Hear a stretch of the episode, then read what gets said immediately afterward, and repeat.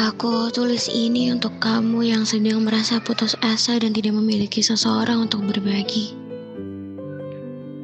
Aku tak tahu seberapa berat beban yang sedang membebani pundakmu saat ini. Aku tak tahu seberapa besar arah yang melintang di hadapanmu saat ini. Aku tak tahu seberapa sisa kekuatan yang kamu punya untuk tetap berdiri di sana. Namun percayalah, aku pernah merasakannya.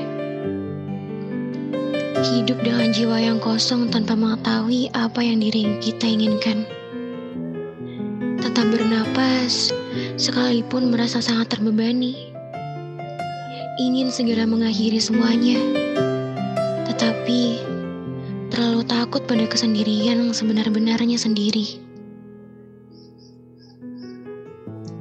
Aku pernah dengan begitu mudahnya melukai diri, menggunakan silet-silet yang kini telah kubuang jauh.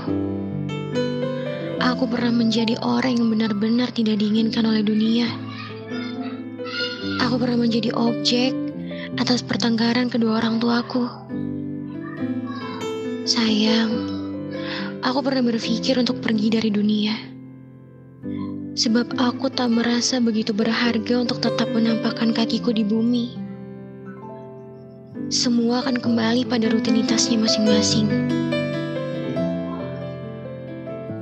Barangkali kamu bertanya, bagaimana pada akhirnya aku bisa melewati fase itu?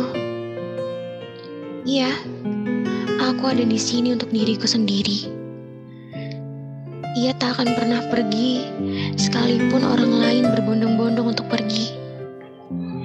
Sayang, coba lihat dirimu. Kamu istimewa, sungguh. Kamu berharga. Tetap semangat ya.